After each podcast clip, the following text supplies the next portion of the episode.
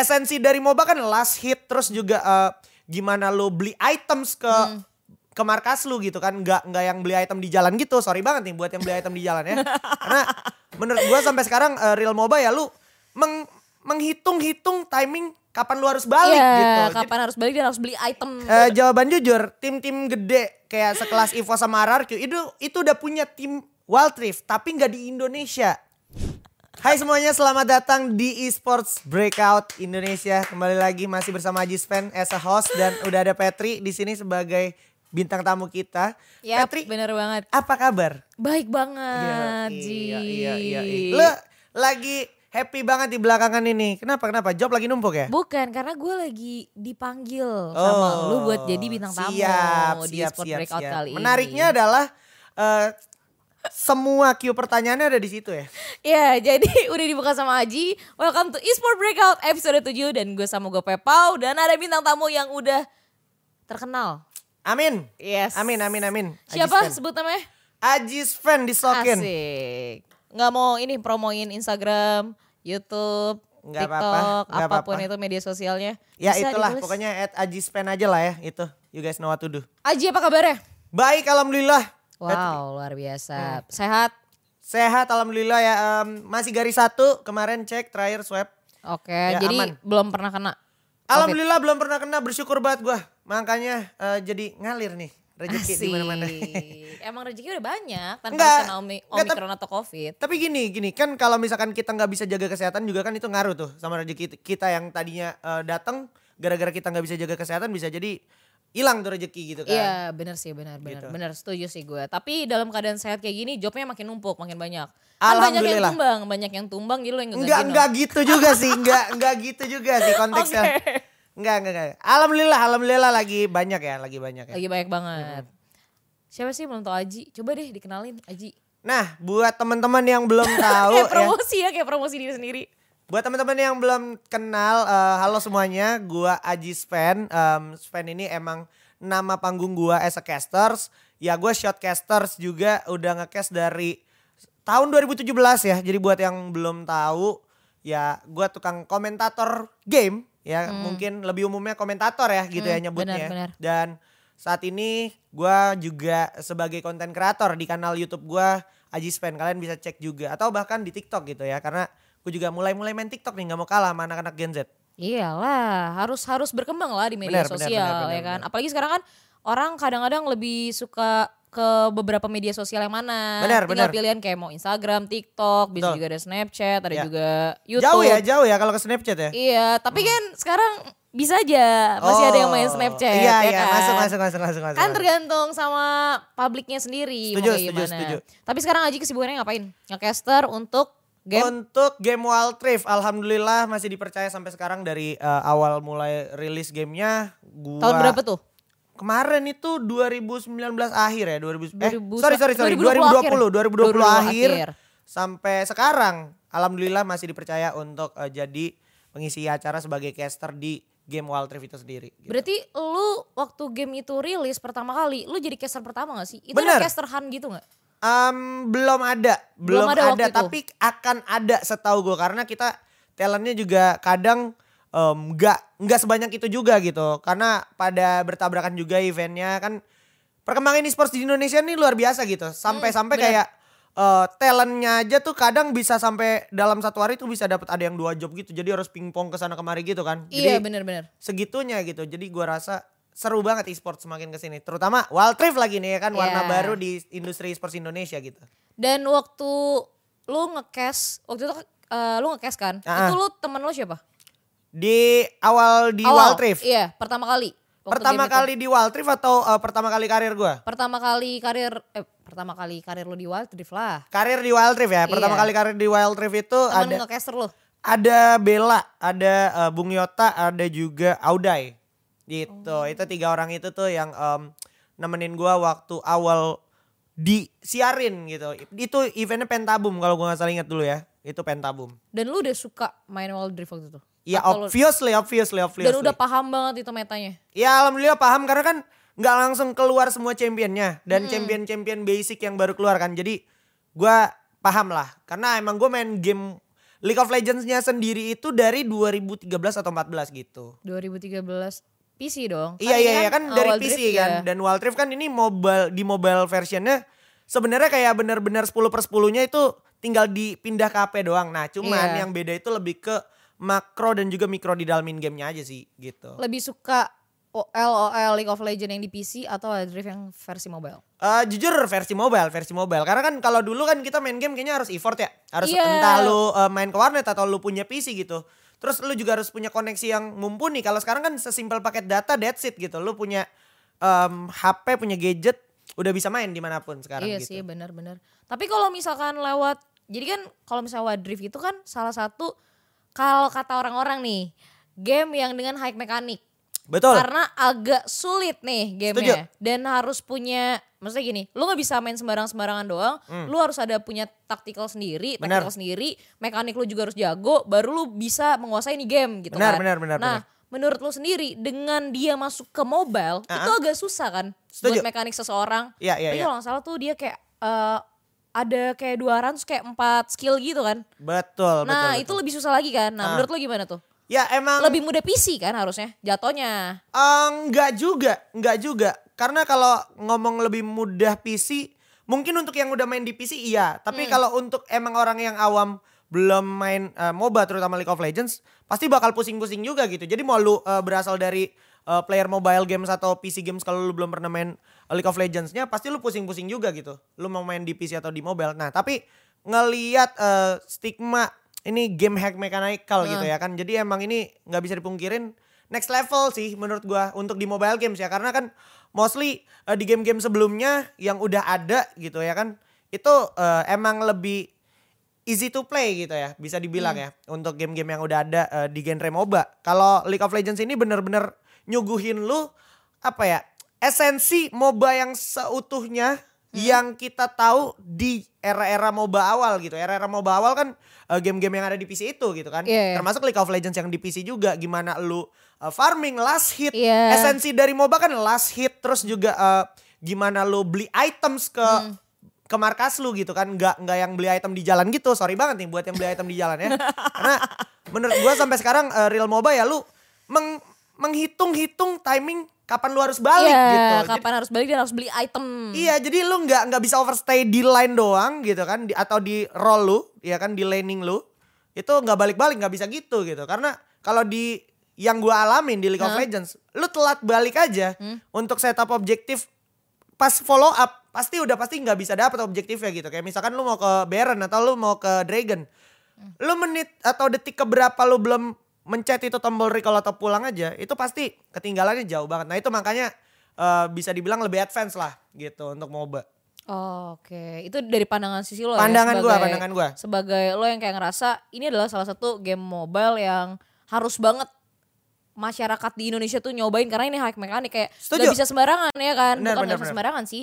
Orang kalau mau main uh, Wild Rift sendiri harus punya basicnya, terus harus punya pengetahuannya tentang game itu. Betul, tapi gini, em, buat gua ketika lu dapat stigma yang kayak ah susah gamenya. Nah di sinilah eh, tantangan lu as a gamer gitu. Karena dulu Hmm. orang main game semakin susah gamenya, semakin semakin tertantang lu buat Penasaran. main, semakin penasaran dan semakin addicted lu di sana Eh, gitu. Nah, bu-.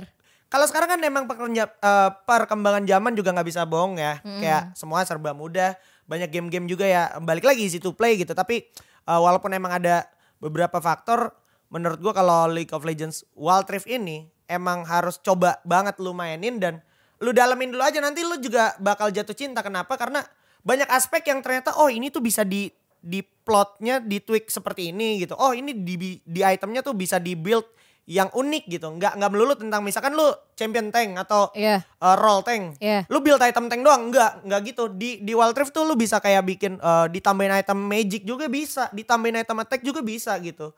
Enggak Ngide-ngide dikit bisa lah ya. ngide-ngide dikit soal item lu teori crafting di sana bebas banget gitu, feel free. Karena emang emang champion-championnya ability-nya uh, unik-unik gitu kalau di Wild Rift gitu. Tapi alasan utama lu, Hmm. lu terjun jadi caster di Wild Rift tuh kenapa? Pertama kali waktu itu? Pertama Apa kali. gara-gara kayak ah gue pengen nyoba nih gara-gara casternya belum ada. Atau emang lu tertarik sama yang mama gamenya terus kayak gue pengen jadi salah satu caster yang gue pengen ngasih tau nih kayak gini nih cara mainnya LOL yang bener gitu. Atau Oh. gimana? Apa apa tuh apa sih yang bikin lu pengen terjun ke Wild Rift?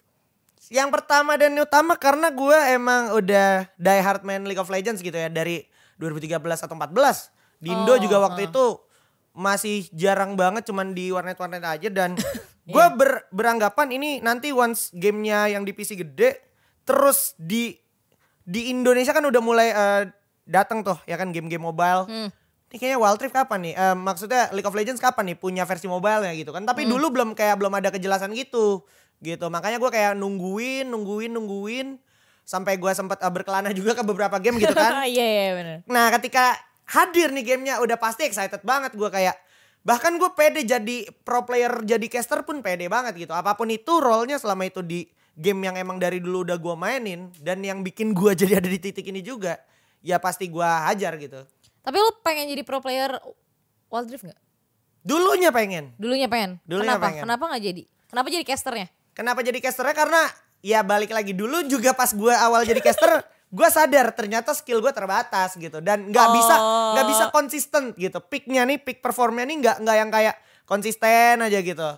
Tapi bisa kayak turun gitu tergantung Iya. mood kan. Iya, bener-bener. Aduh, susah tuh kalau jadi kalau jadi pro player udah susah ya Benar, benar, benar, benar. apa faktor U gitu Ya, kayak gimana ya kalau faktor U mungkin ya faktor U juga mungkin sih kayaknya. kayak kayak kan biasanya kalau pro player tuh nyarinya yang mudah karena mekaniknya masih tinggi ya kan habis Ya, itu ya. kayak saraf pemikirannya otaknya ke tangannya nggak telat gitu nyampenya biasanya kan Motorik, kayak gitu motorik. motoriknya nggak telat gitu Ya. kan kalau yang tua-tua kayaknya kayak gue lebih cocok jadi komentator gitu ya benar sih? benar benar benar dan kayak gua terlalu bakal banyak bakar waktu. Sementara dulu gue udah pernah melakukan itu di League Oh of iya? Legends PC gitu Oh ya iya, kan. iya.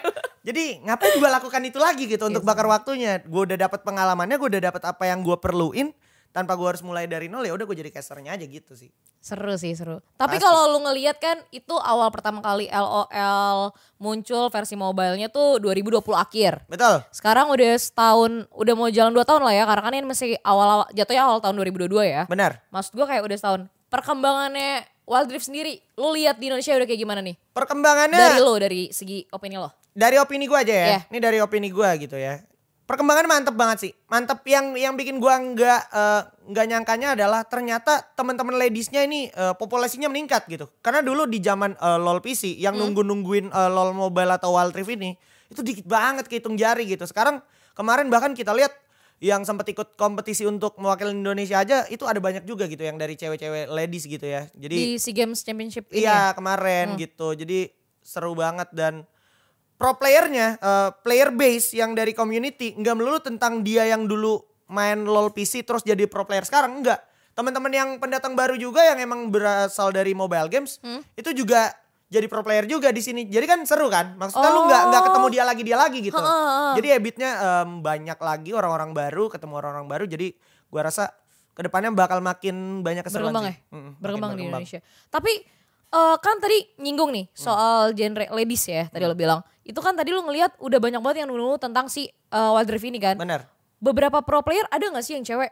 Oh, pro player ya. Pro Iya. player, pro player tuh ada sebenarnya cewek. Cuman belum ada yang kayak di dalam satu tim ada ceweknya nyelip satu dua Nah, gitu belum. itu maksud gua, belum ya? Belum sampai sana lah. Gua Masih long way to go lah. Iya, gue gue kayak pengen nanya, kalau misalkan ada satu nyelip cewek, itu gimana untuk komunikasi segala macam? Itu kan pasti ada egonya masing-masing dong, apalagi cewek ribetnya kayak gimana ya Benar, kan? benar, benar. Pemikiran biasa kayak gimana? Kalau dia standarnya nggak nggak kayak sama kayak men, pasti agak susah buat komunikasi segala macam. Apalagi kalau tadi lu ngebahas soal SEA Games Championship kan Hmm. yang 2022 yang lagi berjalan nih sekarang, lo Em, caster ya? Itu lebih ke ini ya apa Wild Rift Champions ya Indo ini Indonesia ya. Iya. Itu, itu bukan SEA Games, beda. It's Oh, two iya. different thing ya. Ya. Oh ya Indonesia, Indonesia Iya. dulu ya. Ah. Sorry sorry sorry. Itu berarti lu jadi cast, lu jadi casternya kan Benar. di yang sedang berjalan sekarang ini. Nah itu kan gue ngeliat ada beberapa ada dua tim ya yang jadi tim undangan ya kan. Mm-mm, Nah sisanya tim dari community dan maksudnya dari kualifikasi lah ya. Betul, betul. Intinya. Nah ada beberapa tim yang gue ngelihat playernya bukan orang Indo doang. Oh iya iya iya, iya. ngerti nih gue nih karena. Nah, Kenapa tuh? itu menurut lo gimana nih komunikasi mereka? Itu kan beda negara tuh. Ah. Ada ada di salah satu tim, gue lupa nih. Kalau nggak salah Dari Boom Boom, ya? sama dari, Dari- Eko. Eko itu ada yang Fili eh Fili- Filipin. Filipin ya benar. ya? Filipin, Filipin. Itu gimana tuh komunikasinya? Satu tim. Nah, biasanya kalau mereka ini sejauh yang gua tahu dari teman-teman infonya nih, karena ini gua nanya langsung ke teman-teman juga ya, kayak dari Hah? Boom, dari Golf gue tanya. Cuman dari Eko gue belum gitu tanya. Kayaknya mereka lebih ke language barrier tuh kadang kalau misalkan si si player Filipinnya ini nggak Hah? ngerti shot call dari teman-teman tuh seperti apa, lebih ke situ. Oh. Gitu. Karena eh, biasanya eh, karena mereka nih kalau di Eko setahu gue satu player, terus di, di Boom kan ada dua player. Eh iya kalau Ya, salah. gitu. Jadinya mau nggak mau sih teman-teman yang dari Filipina ini menyesuaikan nih gitu, sesuai shot call. Cuman akhirnya dia nggak bisa memberikan respon misalkan, eh kita ke sini. Dia nggak bisa yang kayak ngasih tahu dengan jelas iya atau tidaknya gitu. Gitu. Karena bahasanya yang berbeda itu kan. Benar benar benar. Kadang masih suka nyangkut di sana yang gue denger sih gitu language barrier Tapi kenapa mereka sampai harus bawa tim player luar gitu? Maksud gue kayak emang kekurangan play- pro player di Indonesia gitu kan? Kan enggak. Sebenarnya kalau ngomong itu gue juga sepakat. Kalau ngomong kurang apa enggak? Enggak kurang. Nah tapi Iya. tapi gini di di League of Legends ini terutama Hmm. yang Wild Rift itu emang nggak bisa dipungkirin secara SDM ya.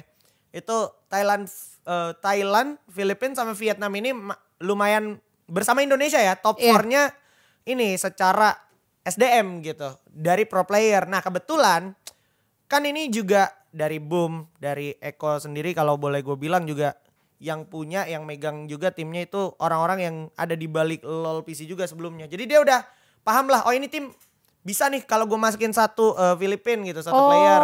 Jadi lebih ke sana bukan Udah karena dia nggak mau ya? ngasih kesempatan gitu. Oh. Jadi kayak udah lihat luar, oh ini ada player potensial tapi dia nganggur tuh gitu. Lebih ke situ.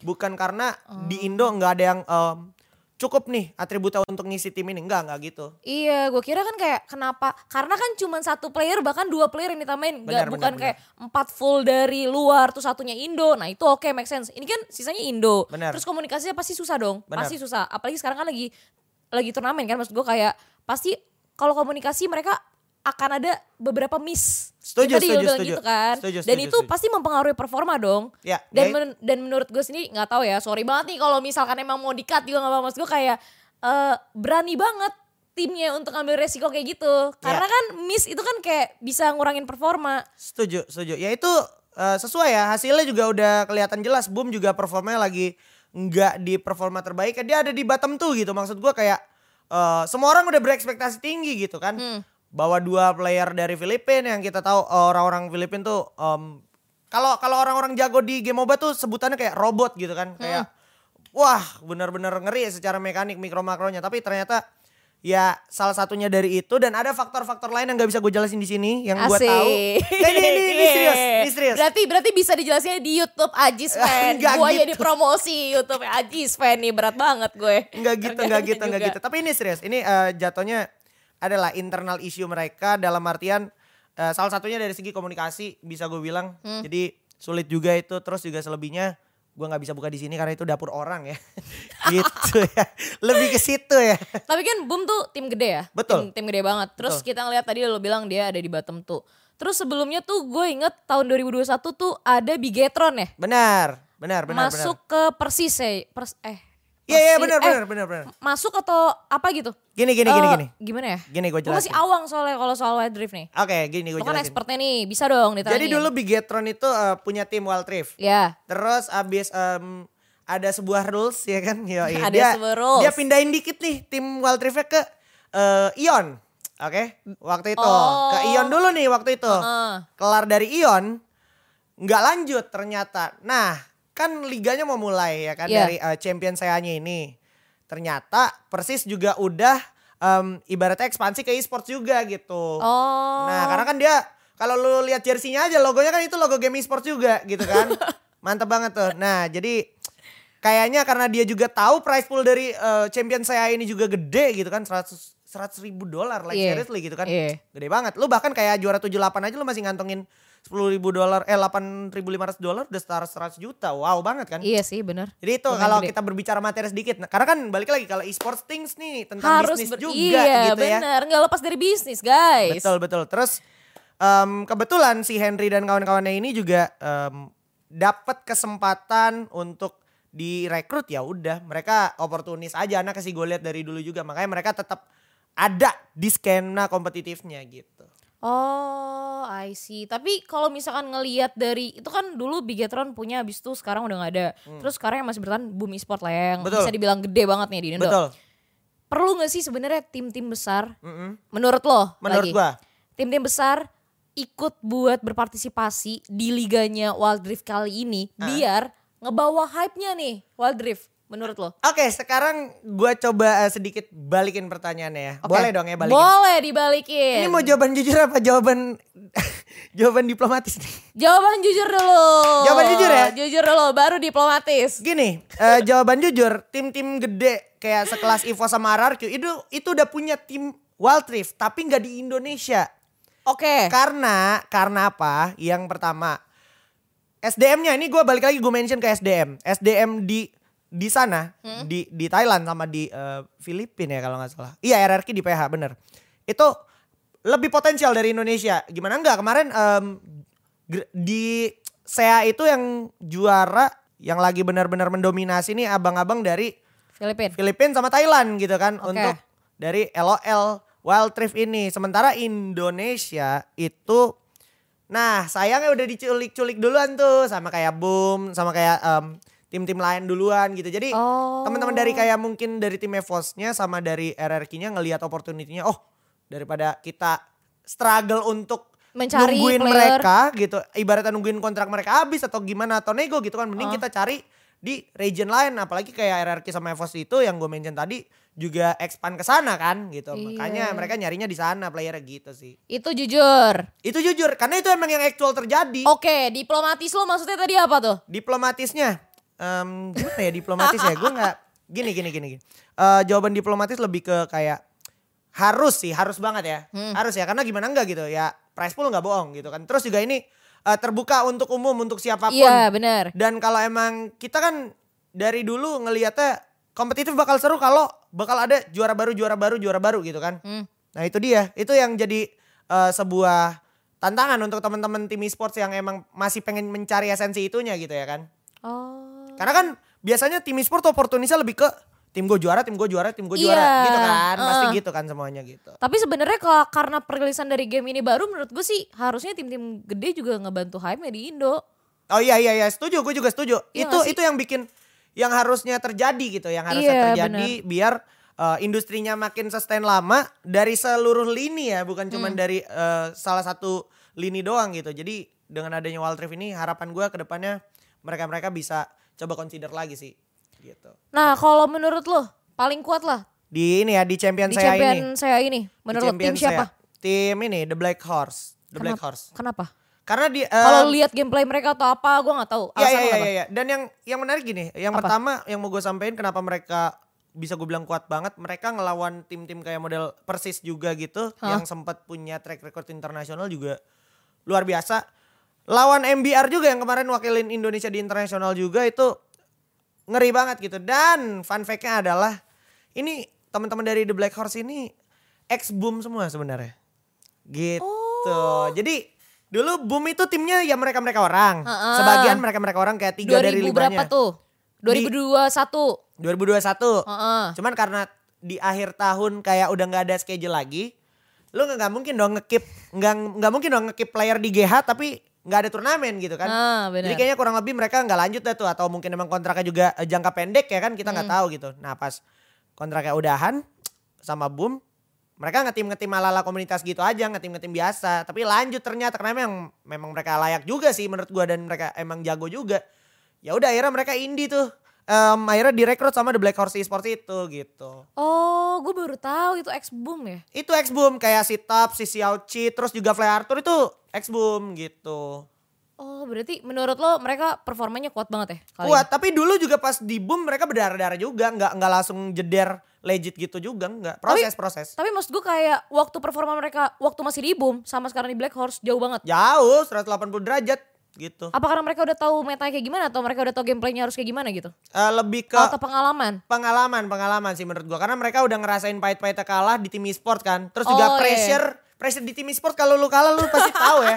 Itu GH hening tuh Aduh, pasti udah gitu. stres, udah mending, udah diem-dieman, stres, bener bener bener. banyak pikiran, tidur Iya. kurang. walaupun ya nggak nggak semua GH juga kayak seserem itu juga pasti Iya. ada sisi keluarganya juga untuk dalam segi evaluasi segala macam tapi as a player gue ngerti lah kayak sisi-sisi lagi kalah gitu karena kan gue walaupun nggak jadi pro player juga gue kalau main tuh anaknya kompetitif kalau kalah tuh salty banget gitu Iya. ya jadi udah udah gue salty terus juga gue ngerugiin tim gue gitu nah itu mungkin yang ada di eh, perasaan mereka mereka as a as a pro player lah gitu Nah ini menurut lo sendiri, pandangan dari lo. Ya. Ini kan Liga Indo lagi berjalan nih, betul Wild Drift. Nah Betul. menurut lo bakal ngebikin masa atau halayak di Indonesia makin rame gak sih main di game?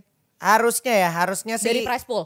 dari prize pool. Kalau kita ngomongin dari prize pool itu udah pasti nggak ada alasan untuk nggak main Wild Rift ya dan nggak ada alasan untuk nggak nontonin e-sportsin Wild Rift gitu karena di sini itu bener-bener sebenarnya kesempatan untuk lulus semua yang udah buang waktu lama banget main game dan masih jadi beban keluarga mohon maaf gitu ya Aduh. karena karena gini karena gini sekarang kan banyak banget orang-orang yang kena kena ini ya kemakan kayak gue mau jadi pro player mau banggain orang tua. Tapi lu harus realistis juga gitu. Hmm. dalam artian gini kalau ternyata di game yang sebelumnya lu mainin dan lu belum jadi apa-apa Hmm. lu harus mulai pertimbangkan tuh atau lu udah boleh tanya ke diri lu sendiri apa lu lagi buang-buang waktu atau emang belum nyampe? gitu. Karena biasanya mereka nih ngotot-ngotot-ngotot tapi ujung-ujungnya nol gitu kan.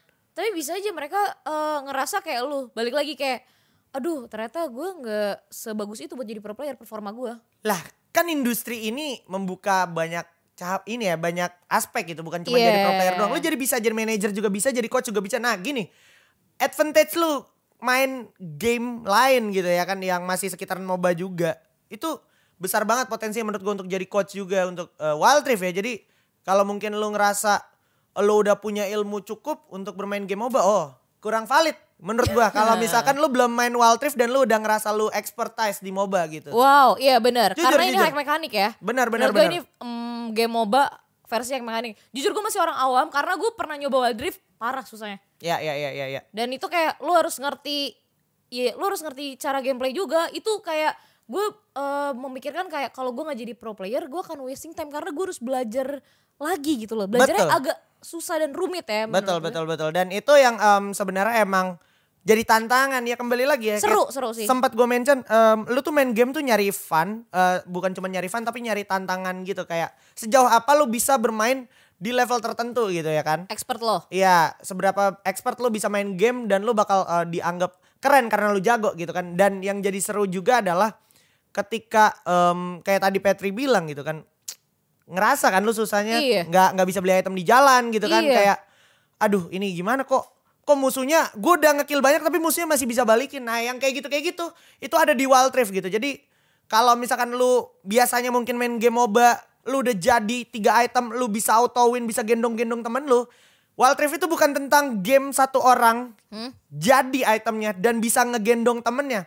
Tapi tentang satu orang yang nggak bisa main dan bikin kalah empat orang jago. Itu Wild Rift menurut gua Kelas tuh di bisa nggak di trend line? Kalau nggak di highlight tuh kata-kata dia itu. Itu game Iya. Wild Rift. Jadi maksud gue harus dicoba sih. Iya, Gue iya. sebenarnya juga pengen ngerasa kan? Di Iya. di di game-game lain mungkin kita bisa lihat kayak kita udah jadi item nih. Iya. tiga item. Udah pede. Lu nabrak-nabrak tower atau turret gitu udah pede pasti. Gitu. Kalau di Wild Rift nggak bisa. Nggak bisa. Lu kayak aduh kok nggak bisa nggak bisa nggak bisa. Nggak bisa gitu. Dan em, di Wild Rift ini orang bakal main sesuai emang role championnya gitu Hmm. dalam artian kayak kalau lu support lu gimana caranya bikin item yang sekitaran support aja gitu jadi lebih terorganize gitu Oh. walaupun gak nutup kemungkinan juga lu bisa bikin item-item cheese pick juga gitu Oke oke oke oke. Tapi kalau misalkan kita lihat balik lagi ya, kalau misalkan tadi lo bilang Wild Rift tuh susah dan Hmm. harus masyarakat Indonesia harus nyoba dari Sabang sampai Merauke lah, jangan cuma di Jakarta doang lah. Benar, ya. benar, benar, kayak benar. Sumatera, Kalimantan, Sulawesi, semua lah Nusantara, sepanjang Nusantara harus nyoba game ini kan. benar Dan gak menutup kemungkinan dong kalau gue susah nih. Tapi bisa aja kayak player-player cewek lainnya yang lebih jago dari gue ngerasa gampang. Kayak Mama. Mm. Mama kan pasti jago dong main Wild Rift Ya lumayan lah dia Jago untuk lah dia. seukuran ukuran Cewek. cewek gitu kan main League of Legends udah di Diamond udah di Master gokil sih dia gitu. Gua aja lumayan berdarah-darah gitu walaupun di Wild Rift ya. Gitu. Oh iya. Ya gue lumayan tryhard aja. Dan dia nggak nggak nggak begitu terlalu tryhard. Ya tryhard juga, tryhard Cuma juga. cuma eh, as a woman ya, maksud gue kayak sebagai cewek ya kan. Gini gini gini. Dia udah dia udah 3000 game. Dia udah tibur 3000 game di saat gue masih sekitar 1500 game. Jadi dia kayak kerja kerja lebih ekstra gitu untuk untuk ngedalemin gamenya karena emang kalau udah main tuh lumayan addicted gitu. Dalam artian addicted in a good way ya. Iya. Kayak ter ter apa ya terpantik gitu jiwa kompetitif lu untuk main dan mencapai di level high tiernya gitu. Oh, duh gue jadi pengen belajar sama mama lagi. Iya. Tapi kalau misalkan di SEA Games tuh kan ada dua cabang ya. Benar benar Cewek benar. cowok. Benar benar. Kalau nggak salah putranya tuh isinya pemain MBR. Benar. Ceweknya tuh pemain IC Fancy, Benar. ex Beletron IC. Betul. Ya. Nah, dari lo sendiri optimis mas gak sih? Udah pasti optimis Mas. Yang Kenapa? pertama, yang pertama gini, em, MBR itu bahkan petinggi sportsnya juga jebolan LOL PC. Itu yang pertama. Oh ya, Yang kedua, coachnya juga jebolan LOL PC. Di di, di SEA Games ya, Ah. coachnya. Yang cewek ini, yang si IC ini, itu kan dari eh, Beletron ya atau Iya, Beletron Bigetron. Nih, fun fact, nggak nggak pernah ada yang tahu kalau dulu Koko Starless itu atau Koet itu player LOL PC juga di Indo dan sempat mewakilin Indo juga di internasional. oh iya. Makanya dia tuh se seoptimis itu gimana caranya dan dulu divisi pertama Bigetron Iya. itu LOL PC. Sumpah, Wow, sumpah. Serius. Serius, serius, serius. Sebelum eh, rebrand jadi logo lebih robot gitu ya. Iya. Iya, itu itu jersey pertamanya lebih ke LOL PC gitu. Dia optimis banget tentang LoL PC ini ya, berarti. Dia salah satu jungler yang paling diseganin dan eh, paling gua respect dalam artian pengen banget gue sejago dia gitu. Gitu. Itu tuh. Oh, Koko Starless. Gue Iya. tahu lagi. Makanya dia kayak pengen banget pasti mewadahi kalau ada kesempatan untuk dia eh, berkontribusi gitu untuk perkembangan ekosistem di Indonesia terutama gitu kan Iya. untuk League of Legends atau si Wild Rift ini gitu. Makanya sampai tim pertama yang punya ladies kan Beletron. Iya, Beletron IC Hmm. ini kan. Gila, keren banget sih. Tapi tapi maksud gue itu waktu itu PC kan. Iya, Versi iya. mobile-nya baru mereka kayak ngerasa Ya ini gue harus harus kasih tahu nih kalau si Wild Rift atau League of Legends ini harus harus grow gitu. Ya itu salah satu andil dari Koet gitu. Gokil respect Koet. Mantap. tuh respect. Terus Respect. kalau misalkan menurut lo sendiri, nih, lo ada ngasih masukan nih buat apa sih buat perkembangan e-sportnya Wild Rift lah di Indonesia? Perkembangan e-sport Wild Rift. Masukan lo. Masukan ya. Hmm. Em, ini ini tentang ini ya karena kalau kita berbicara dari segi perkembangan tuh sebenarnya bukan masalah lu punya KPI tinggi terus lu harus achieve dan kalau lu nggak achieve lu gagal gitu. Hmm. Ini ini tentang kayak lu harus realistis tentang waktu gitu karena lu nggak bisa beli nggak bisa beli proses gitu nggak ada yang instan ya kan nggak bisa Oh, iya. nggak bisa jeder langsung legit Gede. gitu ya kan nothing comes easy lah when it's easy then it's nothing kalau kata Bob Marley kan Wes, keren. Iya kan, ya kan itu kata Bob Marley gitu. Jadi kalau misalkan lu jedernya instan bisa jadi lu hilangnya instan juga gak sih? Nah, iya bener. Harus Dan- ada prosesnya. Gini gini gini. Game-game besar di Indonesia sekarang, game-game e-sports yang besar sekarang di Indonesia itu juga melewati tahun-tahun berdarah juga. Jadi gua rasa mereka ya sekarang udah nikmatin di momen mereka karena mereka udah berdarah-darah yang tadi gue bilang gitu. Kalau sekarang Wild Rift ya enjoy the process dulu aja dan untuk teman-teman yang ada di scene Wild Rift-nya siapa pun itu mau casual player, Nah. mau streamer, mau content creator ataupun pro player ya gua rasa ayolah bareng-bareng kita tetap eh, semangatin teman-teman untuk main gamenya ya walaupun emang gamenya nggak semudah itu tapi harapan gue jujur lebih ke gimana semua lini ini bisa kerjasama untuk eh, tetap nge-encourage satu sama lain sih karena Oke. karena harus gitu dulu kan Iya, iya. sekarang tuh eranya siapa nih Eh, misalkan gua di tongkrongan Hmm. main eh, Wild Rift pasti main Wild Rift semua gitu Iya, satu tongkrongan Gitu. gitu, ngikut masanya. tinggal-tinggal dari mulut ke mulutnya aja nih yang emang butuh waktu dan gak seinstan itu gitu ya Nah, benar-benar. Tapi gue bingungnya adalah apa sih yang bikin masyarakat Indo nih, kalau nggak halayak umum lah ya, males gitu buat main Wild Rift. Oh, jelas, sih? jelas, Kayak- jelas, jelas. Mau nggak mau enggan gitu loh kayak, aduh males lah gue main Wild Rift. Kenapa ya? Oh. Gue kayak dari awal rilis ya berarti akhir 2020 ya udah setahunan lebih ya harusnya kayak masanya cukup banyak dong. Ini kayak males-malesan gue nggak tahu nih. Kalau versi masyarakatnya ya bukan versi pro player ya. Ah. Kalau menurut lu sendiri kenapa?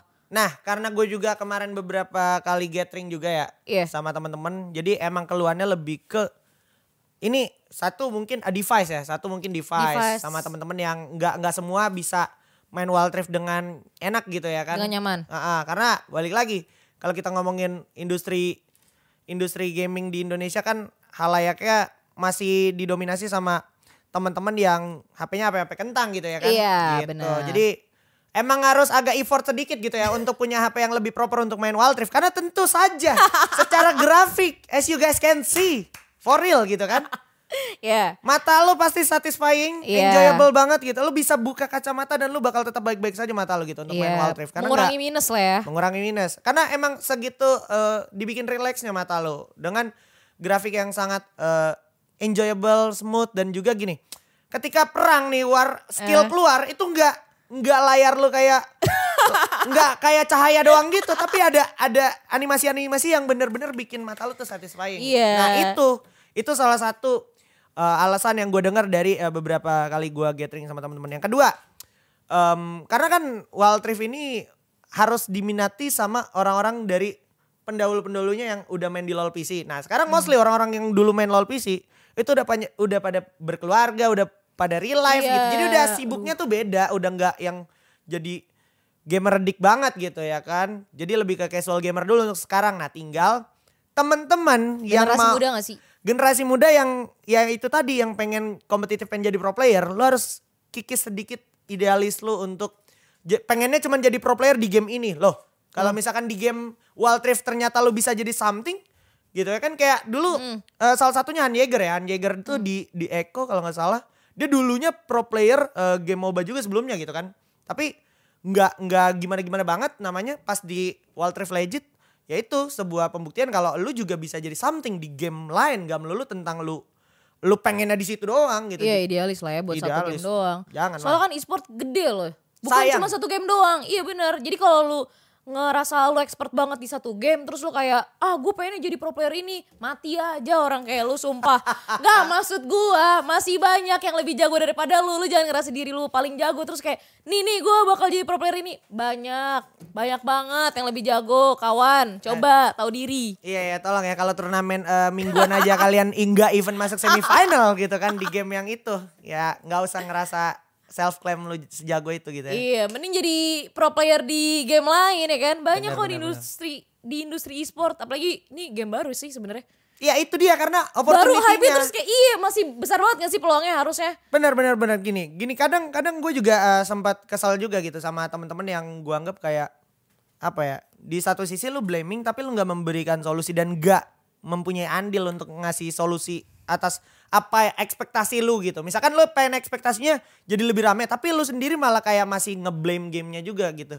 kayak misalnya Oh, iya. ini nggak ada perkembangannya nih, ini nggak ada ini nggak ada itunya. Ya ya lu aja dulu nih dimulai dari diri lu sendiri. Gimana lu nge-encourage orang sekitar lu untuk main gamenya? Atau mungkin kalau misalkan udah lu lakukan dan gak ada hasilnya, ya tetap main gamenya aja. Sesimpel lu tetap main gamenya aja dan nggak terprovokasi eh, tentang debat-debat ya. Kan Wild Rift sering tuh masih kena stigma kayak ah game sepi, game sepi segala macam gitu kan. iya. Maksud gua itu nggak valid lagi. Maksud ini udah 2022 nih ya. Orang udah ada SEA Games Championship-nya gila lu. Itu dia Prize ditambah. gede gila. Itu dia plus ditambah si games itu Wild Rift dapat dua slot untuk yang men sama woman. Iya. Artinya adalah se- seserius itu sekelas SEA Games ngadain untuk Wild Rift gitu dan selejit itu juga di luar sana gitu Wild Riftnya. Makanya ayolah Indonesia nih harus jangan mau ketinggalan, jangan mau kalah sama negara-negara maju sana yang udah lebih one step ahead gitu dari kita. Iyalah. gitu. Maksud gue jangan nutup mata sebelah kayak ah di Indo game sepi malas. Nah, main." jadi apatis-apatis ini nih, orang-orang apatis ini nih, matanya nih harus saling saling dibuka gitu ya. Apalagi kalau misalkan yang mencetuskan itu orang yang lebih dewasa. Jadi Hmm. yang ke bawahnya nih, yang generasi-generasi bocil-bocil nih langsung Iya, kayak, ya iya nih nggak usah main game sepi ini gitu. Padahal nggak tahu kan dia juga waktu itu mungkin yang dewasa-dewasa ini kan zamannya yang kayak lo bilang tadi kan. Mereka zamannya waktu itu LOL PC pas udah tua udah nggak main game lagi. Harusnya yang masih muda nih nerusin kan game ini gitu. Benar, biar benar, nggak benar. mati maksudnya. Benar. Apalagi game ini kan kayak bukan game yang gampang mati lah menurut gue kayak bertahun-tahun bakal masih berkembang dan bakal lebih seru lagi gak sih? Itu, itu, itu adalah satu hal yang